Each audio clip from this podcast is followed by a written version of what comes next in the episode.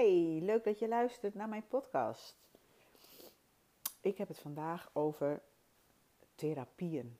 En dan therapieën in de breedste zin van het woord. Je hebt psychotherapieën, psychiatrische therapieën, je hebt holistische therapieën, acupunctuurtherapie. Nou, er zijn er duizenden te noemen. En ik heb zelf aardig wat uitgeprobeerd als uh, cliënt. En ik heb natuurlijk de opleidingen gedaan voor uh, holistisch therapeut, waarin ik een heleboel eigen shit moest opruimen voordat ik mijn uh, diploma kon gaan ontvangen. Um, nou, wat ik heb beleefd eigenlijk is een hoofdtherapie, zo noem ik het maar even. Dus uh, therapie waar alleen gepraat wordt. Ja, daarin wordt. Ja, als ik kijk even naar mezelf. Daarin was ik gewoon soms heel slim om, om bepaalde dingen heen te draaien. Of om dingen niet te zeggen. Of dat ik dacht, nou, als ik dit zeg, dan dit past beter. Of dan geef ik een goede indruk. Of nou ja, whatever. En het rare is, ik zit daar natuurlijk gewoon voor mezelf en niet voor die therapeut. Ik bedoel, die verdient gewoon geld met mij en die wil mij gewoon helpen als ik dat toelaat. Dus ik ben mijn eigen uh, blokkade in dit geval als ik niet er vol in ga. En je hebt therapieën waarin je werkt met, nou wat ik doe met tekenen bijvoorbeeld. Daarin uh, werk je aan het onderbewuste. Dus dan ga je iets vormgeven. En degene die dan bij je zit, je begeleider, die kan aan de hand van de tekening dingen verklaren en duidelijk maken. Of die laat je dat eigenlijk zelf duidelijk maken, dat je die inzichten krijgt. En je hebt lichaamswerk, waarin je met je lijf aan de slag gaat, omdat van daaruit de overtuiging bestaat dat alles wordt opgeslagen in je cellen. En dat is ook wel iets wat ik zelf heb ervaren. Dus alle energieën, alle belevenissen in je hele leven staan opgeslagen in je cellen. Waar je dus mee aan het werk kan. En je hebt vormen als regressies, waarin je teruggaat in de tijd. Zowel dit leven als, nou ja, mogelijke vorige levens. Nou, oh, je hebt nog hypno hypnotherapie. Nou, er zijn natuurlijk nog wel meer. Maar dit zijn even zo een handjevol waar ik zelf bij bijna allemaal ervaring mee heb. En als ik dan terugkijk naar wat het me heeft opgeleverd, dan heb ik best wel heel veel geleerd. Vaak ook gevoeld dat dingen kloppen. Maar uiteindelijk, je kunt nog zoveel weten door therapie, door inzicht. Na die sessie, na dat inzicht, is het belangrijk dat je een stap zet. En uh, ik weet van mezelf dat ik bijvoorbeeld wel deelde met mensen als ik een therapiesessie had gehad. Van, oh, ik heb dat gezien, ben dat tegengekomen. Bla, bla, bla. Oh, mooi, prachtig inzicht. En vervolgens deed ik er dan niks mee. Dus dan wist ik dat dat gespeeld had. Of dat dat aan de orde was. Of misschien nog wel. En dan deed ik er niks mee. Nou, vervolgens zag ik mijzelf dan een tijd later weer bij een andere therapeut. Om te vragen of die mij dan kon helpen. Om dat bepaald proces op te schonen of iets inzicht te geven of whatever. Nou ja, dan gebeurde daar natuurlijk ook wel weer van alles moois. En als ik dan weer niks deed, ja, weet je, dan bleef ik gewoon in een kringetje rondlopen. En ja, dat is iets. Het, van. moeilijke van therapie. Na die tijd is dat je er ook echt mee aan de slag gaat. Omdat het heel confronterend is. En je gaat gewoon soms door dingen die niet leuk zijn. Alleen het kost je bakken met energie als je er niks mee doet. Dus je kunt therapie volgen en er niks mee doen. Dan verandert er niks. Dan heb je een soort weten van, ja, ik zou dit of dat moeten doen of het komt daar of daardoor.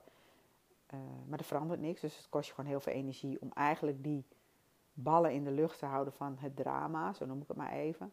Of um, zoals Abraham Hicks, dat is mijn, uh, een van mijn uh, inspirators, die zegt heel mooi: als je je kurk onder water drukt, dan uh, probeert die kurk met, met alle machten toch boven water te komen. Nou, dat lukt niet. Op het moment dat je even geen aandacht hebt, dan plop, gaat hij met de reuzenkracht omhoog het water uit. Dat is ook wat er gebeurt met drama en trauma. En op het moment dat je dat steeds, als je het weet, zeker bewust onderdrukt, dan komt een moment en dan boem, heb je even niet opgelet. En dan is het daar in al zijn grootsheid misschien nog wel veel groter dan het uiteindelijk is. Dus daar zit je ook niet op te wachten. Dus een van de belangrijkste lessen die ik heb geleerd is om uh, dat wat gehoord wil worden in de ogen te kijken. En een stap te zetten vooruit. Hand in hand. Het kunnen ontvangen, het kunnen omarmen, te weten dat het er is. En daar gewoon mee aan de slag te gaan. Met alles wat erbij hoort. Dus ik heb zelf altijd heel veel aan schrijven. Ik een probleem heb om erover te schrijven. Zodat, dat geeft mij ruimte en inzichten ook vaak. En van daaruit kan ik weer een stapje verder. Sommige mensen vinden het heel fijn om met iemand te praten erover. Gewoon iemand die ze goed kennen, die ze vertrouwen. Andere mensen vinden het fijn om juist even in beweging te gaan met zichzelf. Dus te wandelen of hard te lopen of andere vorm van sport. Nou ja, iedereen heeft daar zijn eigen manier van om mee om te gaan. Het allerbelangrijkste is dat je een stap zet. Um, ja, wat wou ik hier nou eigenlijk mee zeggen ook, wat ik belangrijk vind, is dat je eindeloos therapieën kunt volgen. Je kunt dus eindeloos van therapeut naar therapeut, van gesprek naar gesprek, zonder dat er feitelijk iets verandert. Omdat niemand kan je redden. Niemand kan jou redden. Niemand kan mij redden. Als ik een probleem heb, dat kan ik alleen maar zelf oplossen. En um, het is wel heel fijn om een klankbord te hebben, om met iemand te praten over wat je dwars zit. Maar niemand kan het probleem voor mij oplossen. Zelfs niet als het iets is geweest van, uh, stel mijn moeder heeft iets gezegd of gedaan waar ik heel veel last van heb. En zij zou het dan ontkoppelen door te zeggen, oh dat heb ik nooit zo bedoeld. Of dat uh, heb je niet goed begrepen. Of dat was anders.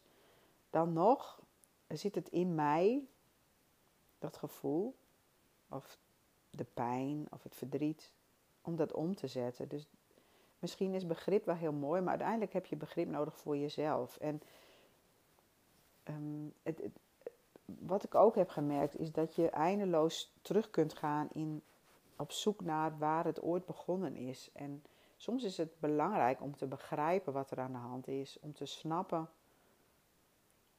wat, wat gebeurt. Maar je kunt teruggaan in vorige levens, je kunt in honderd levens teruggaan.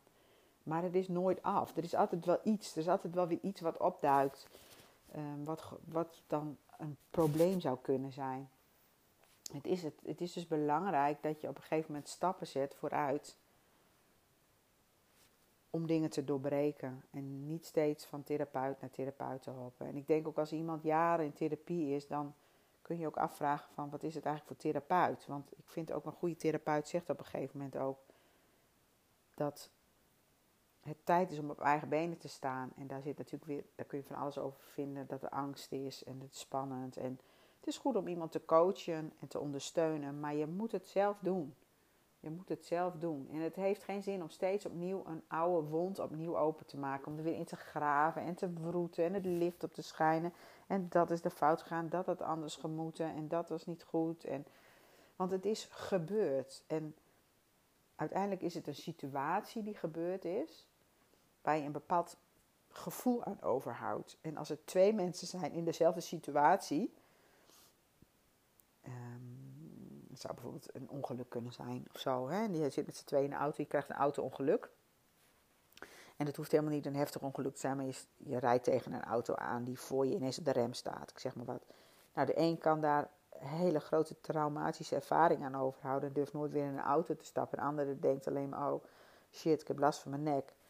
Uh, ga naar de fysio en weer door. Je kunt nooit voor iemand bepalen of het zwaar is of niet zwaar is. Dat beleef je zelf. Dus de situatie wordt door iedereen altijd anders beleefd. Dus belangrijk is dat je leert dealen met de emoties. Nou, wat ik wou zeggen is dat teruggaan in de tijd kan soms heel fijn zijn om te voelen: hé, hey, daar voel ik de pijn het scherpst. Of dat is wat er aan zijn grondslag ligt. Maar dat is niet per se nodig om vooruit te gaan, omdat dat wat aandacht krijgt groeit. Dus als er pijn is, of een trauma, of een ongelukkig zijn en je vergroot dat steeds uit en je gaat er steeds mee aan de slag en je benoemt dat steeds. Niet eens alleen bij therapie, maar ook gewoon aan de mensen om je heen. Dan blijft het in je leven. Je kan het alleen maar zelf oplossen door je blik de andere kant op te doen. En niet om het te ontkennen, maar om de aandacht ervan af te halen. Om de aandacht ervan af te halen en je ergens anders op te focussen. Iets wat je een ander gevoel geeft, een blij gevoel. Je, je, kunt, je, je kunt het gewoon zelf doen. Een ander gevoel creëren om weg te gaan, al is het maar heel even. Zo kan je heel mooi. Ik weet bijvoorbeeld van mijn moeder, als die bijvoorbeeld een begrafenis heeft gehad van iemand. En dat heb, nou, op die leeftijd van haar, dan gebeurt dat natuurlijk steeds vaker. Helaas. Um, nou, hoort ook bij het leven. Maar dan gaat ze altijd daarna, zodra ze daar vandaan komt, gaat ze altijd naar de bloemist. En dan koopt ze een bloemetje voor zichzelf. Zegt ze, ik verbind me met het leven. Ik wil een bloemetje. Dat maakt me blij. Ik wil even mijn zinnen verzetten. Ik ga iets leuks doen voor mezelf. En dat vind ik gewoon een heel simpel, mooi voorbeeld. En ik weet wel, hè, dit staat misschien niet gelijk aan grote trauma's die mensen meemaken. Maar het is even een voorbeeld dat je steeds wentelen in dat wat pijn doet. Dan blijft het pijn doen.